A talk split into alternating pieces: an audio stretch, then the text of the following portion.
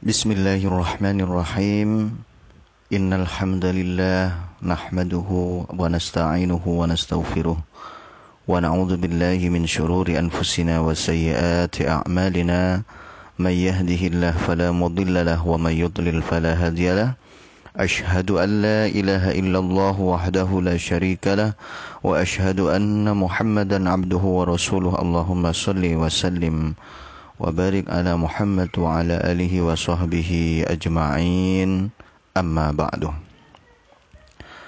Alhamdulillah kita berjumpa lagi di dalam kajian tafsir singkat. Nah, telah lewat bagi kita tafsir ayat ketiga dari surah Al-Baqarah. Kemudian marilah kita baca tafsir ayat yang keempat. Itu firman Allah Subhanahu wa taala, "Walladzina yu'minuna bima unzila ilaika wa unzila min qablik wa akhirati hum yuqinun." Walladzina yu'minuna dan orang-orang yang beriman ya, ini adalah atof Atof itu adalah gandengan, gandengan dari ayat sebelumnya. yakni berkaitan masih.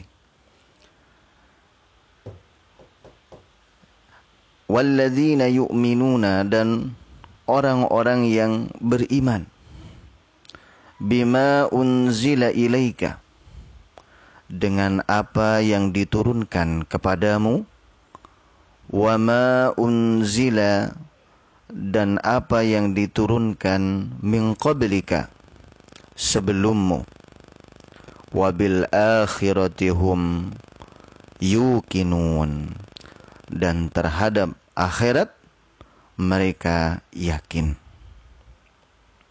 Ini ini adalah kelanjutan daripada sifat orang-orang yang bertakwa. Ya. Bahwa sifat orang yang bertakwa pertama beriman kepada yang gaib, mendirikan sholat, kemudian menafkahkan hartanya di jalan Allah. Ya, memiliki jiwa sosial yang tinggi. Kemudian dilanjutkan dan orang-orang yang beriman kepada apa yang diturunkan kepadamu yaitu Al-Qur'an. Naam. Sebetulnya ini telah disebutkan sebelumnya yaitu alladzina yu'minuna bil ghaibi masuk kepada orang-orang dan yaitu orang-orang yang beriman kepada yang gaib. Yang gaib jelas kita jelaskan bahwa yang gaib adalah beriman kepada Allah, malaikatnya, rasulnya, kitabnya, hari kiamat, kodok dan kodar. Masuk di sana rasul. Tapi kenapa di sini kemudian disebutkan kembali? Pertama adalah penekanan. Ya. Bahwasannya beriman hendaknya kepada kitab Al-Qur'an. Artinya untuk menunjukkan keagungan Al-Qur'an. Nah, bahwa yang patut untuk diimani yaitu adalah beriman kepada apa yang diturunkan kepadamu. Ini adalah pertama, penekanan. Beriman kepada yang gaib. Disebutkan secara khusus karena ini khitabnya kepada kita umat Muhammad. Yang kedua, penetapan risalah kepada Rasulullah Shallallahu Alaihi Wasallam sebagaimana yang pernah kita sampaikan bahwa tiap kali Allah memerintahkan beriman kepada dirinya, maka Allah Subhanahu wa taala pasti menetapkan perintah agar kita beriman kepada Muhammad sallallahu alaihi wa alihi wasallam. Sebagaimana ini adalah merupakan rangkaian daripada syahadah asyhadu alla ilaha illallah wa asyhadu anna Muhammadan abduhu wa rasuluh. Aku bersaksi bahwa tidak ada ilah yang berhak disembah dengan benar kecuali Allah dan bahwa Muhammad itu adalah hamba dan utusan Allah. Naam. Ini beriman kepada apa yang diturunkan kepadamu dan kepada apa yang diturunkan sebelummu. yakni kitab Taurat dan Injil, Zabur. Naam. Kenapa Al-Quran didahulukan di sini? Sementara yang turun dahulu adalah Taurat, Injil, dan Zabur, dan Suhuf Ibrahim, Suhuf Musa. Kenapa? Kenapa? Dikarenakan li'annahu muhaimin alal kitabis sabiqah. Nasikhun laha. Karena Al-Quran itu adalah penimbang, penjaga dari kitab yang dahulu turun. Nah, Yani Al-Quran itu adalah pengesahan,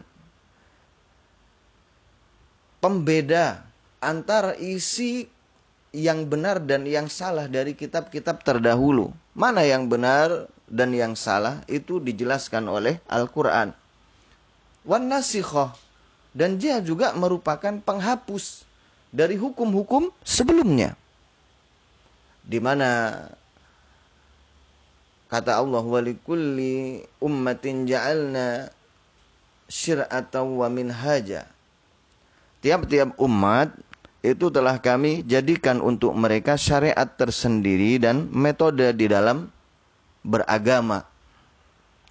Nah, dan metode dan syariat umat-umat terdahulu itu telah dihapus dengan turunnya Al-Quran dengan diutusnya Rasul Sallallahu Alaihi wa alihi Wasallam.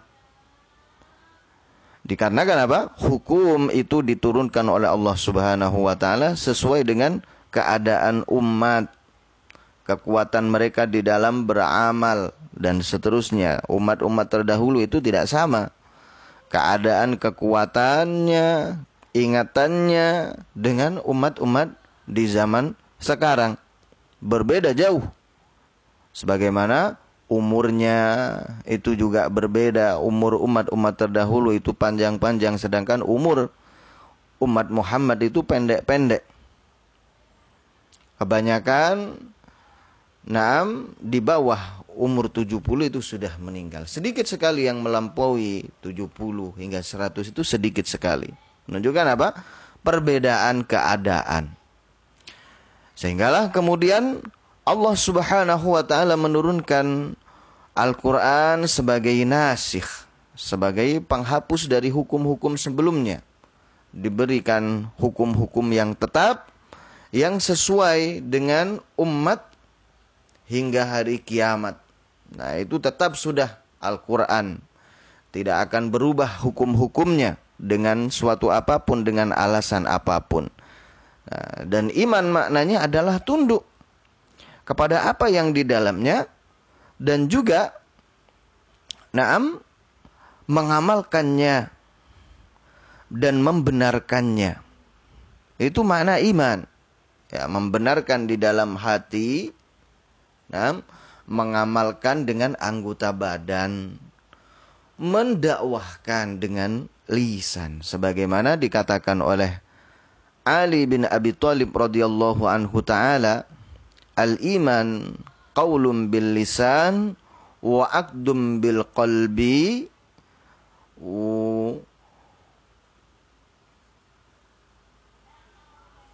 wa if'alu bil arkan wa ya'malu bil jawari iman itu adalah pengakuan dengan lisan mengaku beriman Kemudian akdum bil qalbi keyakinan di dalam hati. Yakin. Dikatakan akdun diikat di dalam hati. Nah, tidak akan lepas terus. Kemudian akmalum bil jawari mengamalkan dengan anggota badan diamalkan itu makna iman. Bukan hanya sekedar pengakuan iman kepada apa yang diturunkan oleh Rasul eh, kepada Rasul Shallallahu Alaihi Wasallam, tetapi tidak diamalkan. Nah, ini adalah kebohongan. Atau mengaku dan diamalkan tetapi tidak diyakini di dalam hati, ini juga percuma. Hmm, itu sifat orang yang bertakwa. Artinya apa? Orang yang bertakwa, beriman kepada kitab dan mengikuti apa yang dilakukan oleh Rasul, mencontoh sunnah Rasulullah Shallallahu Alaihi Wasallam itu tadi makna iman. Jadi kalau kita nah, ingin memiliki ketakwaan dinobatkan oleh Allah Subhanahu wa taala ketakwaan di kepala kita, derajat kita diangkat sebagai orang yang bertakwa, maka kita harus mengikuti Rasul Shallallahu Alaihi Wasallam. Nah, dan cara mengikuti tiada lain adalah menelusuri sunnahnya, mempelajari sirohnya, membaca kitab-kitab hadisnya, ya, kitab-kitab hadis yang menjelaskan apa saja amalan Rasulullah, apa saja perintahnya, bagaimana saja perbuatannya itu. Kemudian wabil akhiratihum yukinun dan terhadap akhirat ini mereka yakin. Ini juga adalah bagian dari beriman kepada yang gaib. Namun kenapa di sini disebutkan secara khusus? Nah, kata Imam As-Sa'di rahimahullahu taala pada kitab tafsirnya ayat uh, halaman 30 uh, 23 beliau mengatakan wa khassahu bidzikri ba'dal umum dan Allah Subhanahu wa taala menyebutkannya uh, setelah menyebutkan secara umum iman itu. Iman kepada gaib itu adalah sebutan secara umum mencakup iman kepada Allah, malaikat, rasul, kitab, ya. Kemudian disebutkan secara khusus di sini wali li'annahu a'zamu ba'isin. Ya. Ahadu arkanil Islam a'zam. Salah satu rukun Islam yang paling agung.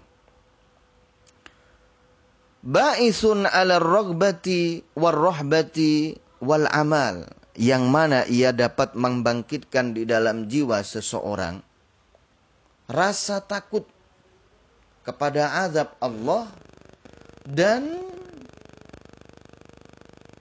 ingin mendapatkan rahmatnya yang kemudian dengan hal tersebut akan membuat dia giat beramal. Nah, itu dia. Jadi kenapa kemudian akhirat di sini disebut secara khusus agar dia itu diyakini adalah agar supaya itu membekas di dalam hati seseorang bahwa akhirat itu adalah sesuatu yang paling penting untuk selalu diingat, selalu dibawa di dalam hatinya bahwa dia akan mati menghadap Allah membawa amal-amalnya yang di sana semua akan dihitung oleh Allah tak satu pun ditinggalkan oleh Allah Subhanahu wa taala. Nah, dan yakin itu bagaimana? Wal ilmu tamu alladhi laisa fihi adna syak al mujib lil amal. Il, yakin itu adalah ilmu yang sempurna. Bagaimana maksudnya sempurna? Tidak ada di dalamnya sedikit pun keraguan, bahkan keraguan yang kecil nggak ada al-mujibu lil amal yang mengharuskan seseorang itu untuk beramal. Kalau seseorang itu yakin akhirat pasti dia itu akan beramal dengan perintah dari Allah dan menjauhi larangan Allah. Itu sifat ya. Lima sifat yang dimiliki oleh orang-orang yang bertakwa. Nah, yang ini perlu diingat, ini tanaman pertama dari Allah. Ya, pedoman pertama dari Allah bagi orang yang ingin disifati dengan ketakwaan. Ya, pertama beriman kepada yang goib, kedua rajin sholat, ketiga memiliki jiwa sosial yang tinggi, keempat beriman kepada kitab yang diturunkan kepada Rasulullah, yaitu enam mengikuti sunnah Rasul Shallallahu Alaihi Wasallam di dalam kehidupannya. Nah, Wa wa ma unzila min qablik dan juga sunnah-sunnah Rasul sebelumnya yang diakui di dalam Al-Qur'an. Naam.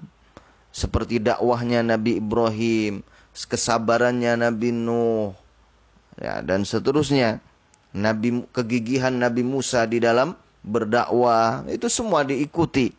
Wabil akhirati hum yukinun. Yang kelima adalah mengingat selalu, meyakini selalu bahwa akan ada hari akhir. Dan hari akhir ini, nam adalah merupakan hari yang dirahasiakan oleh Allah Subhanahu wa taala untuk kita semua. Sampai ada seseorang bertanya kepada Rasul Shallallahu Alaihi Wasallam, Ya Rasulullah, mata sah, wahai Rasul, kapan hari kiamat itu tiba, hari akhir itu tiba? Maka kata Rasul, Ma'a datta ilaiha. Apa yang kamu siapkan untuknya? Ini yang perlu. Pengetahuan kapan hari kiamat itu tidak perlu. Yang perlu kita lakukan adalah persiapan untuk menghadapi hari kiamat itu. Nah, hari berbangkit itu, hari akhirat itu. Dan sebagaimana dikatakan oleh para ulama bahwa akhirat itu bisa hari akhir itu bisa hari yang besar hancurnya dunia ini. Hari akhir itu bisa secara individu dari kita masing-masing wa tutlaku sa'ah ila sa'atika anta. Ya, hari kiamat itu juga diitlakkan, diberikan ya, sebutannya terhadap waktu yang ada pada dirimu. Ya, ini akhir daripada hidupmu. Kita juga tidak tahu antar satu dengan yang lain kapan kita itu akan meninggal. Nah, kapan kita akan meninggal? Entah setelah ini atau nanti sore atau nanti malam atau besok. Kita tidak tahu. Yang tahu hanyalah Allah Subhanahu wa taala. Dan perbuatan yang paling menguntungkan adalah di saat kita selalu siap. Selalu siap ya ini selalu uh, me mengisi waktu kita itu dengan amal soleh. Dengan amal soleh. Berusaha dengan itu. Dan memohon kepada Allah agar diberi uh, akhir yang husnul khotimah. Amin. Semoga kita masuk terhadap golongan orang-orang yang husnul khotimah. Nah, makanya di sini disebutkan secara khusus, ya. Karena ia adalah merupakan perkara yang agung yang ketika disebutkan akan membangkitkan membangkitkan semangat ibadah dan membuat takut untuk beramal kejelekan, keburukan. Karena itu adalah malapetaka. Takutnya nanti ketika kita berbuat buruk itulah akhir daripada kehidupan kita. Wal nah, makanya jangan berpikir umur masih panjang. Jangan. Kita semua tidak tahu kapan kita akan meninggal. Ya berpikirlah uh, setelah ini saya berbuat apa yang manfaat dan memang di antara hembusan setan seseorang itu senantiasa dijadikan bosan dan malas untuk berbuat kebaikan. Karena itulah kemudian Allah Subhanahu wa taala menyediakan kebaikan yang banyak. Ya, kebaikan itu tidak hanya berzikir, membaca Al-Qur'an, tapi banyak sekali. Zikir pun tidak hanya satu jenis, tetapi berbagai jenis. Perbuatan baik tidak hanya satu jenis, tetapi berbagai jenis, berbagai macam perbuatan baik. Ya, ada sholat, ada puasa, ada baca Al-Quran, ada baca buku-buku hadis, ada mendengarkan kajian, ada berbicara yang baik, mengajak orang dengan kebaikan. Walhasil, ketika kita bosan dengan satu kebaikan, kita berpindah kepada kebaikan yang lain. Nah, Kemudian kalau kebaikan yang satu itu adalah sesuatu yang di sana kita menanam cita-cita seperti ingin menjadi orang yang sangat berilmu di dalam agama, bosan ya ilmu yang ini, pindah kepada ilmu yang ini. Nanti kalau kehilangan itu bosan kembali lagi. Nah, itulah nah, makna kenapa kita harus yakin kepada akhirat yaitu tujuan daripadanya adalah supaya kita selalu ingat akan kematian bahwa kematian itu selalu mengintai kita selalu dekat dengan kita dan kita tidak tahu kapan ia merenggut kita. Nah, inilah akhir dan singkat daripada tafsir ayat keempat dari surah Al-Baqarah. Semoga bermanfaat. Subhanakallahumma wa bihamdika asyhadu an la ilaha illa anta astaghfiruka wa atubu ilaik. Wassalamualaikum warahmatullahi wabarakatuh.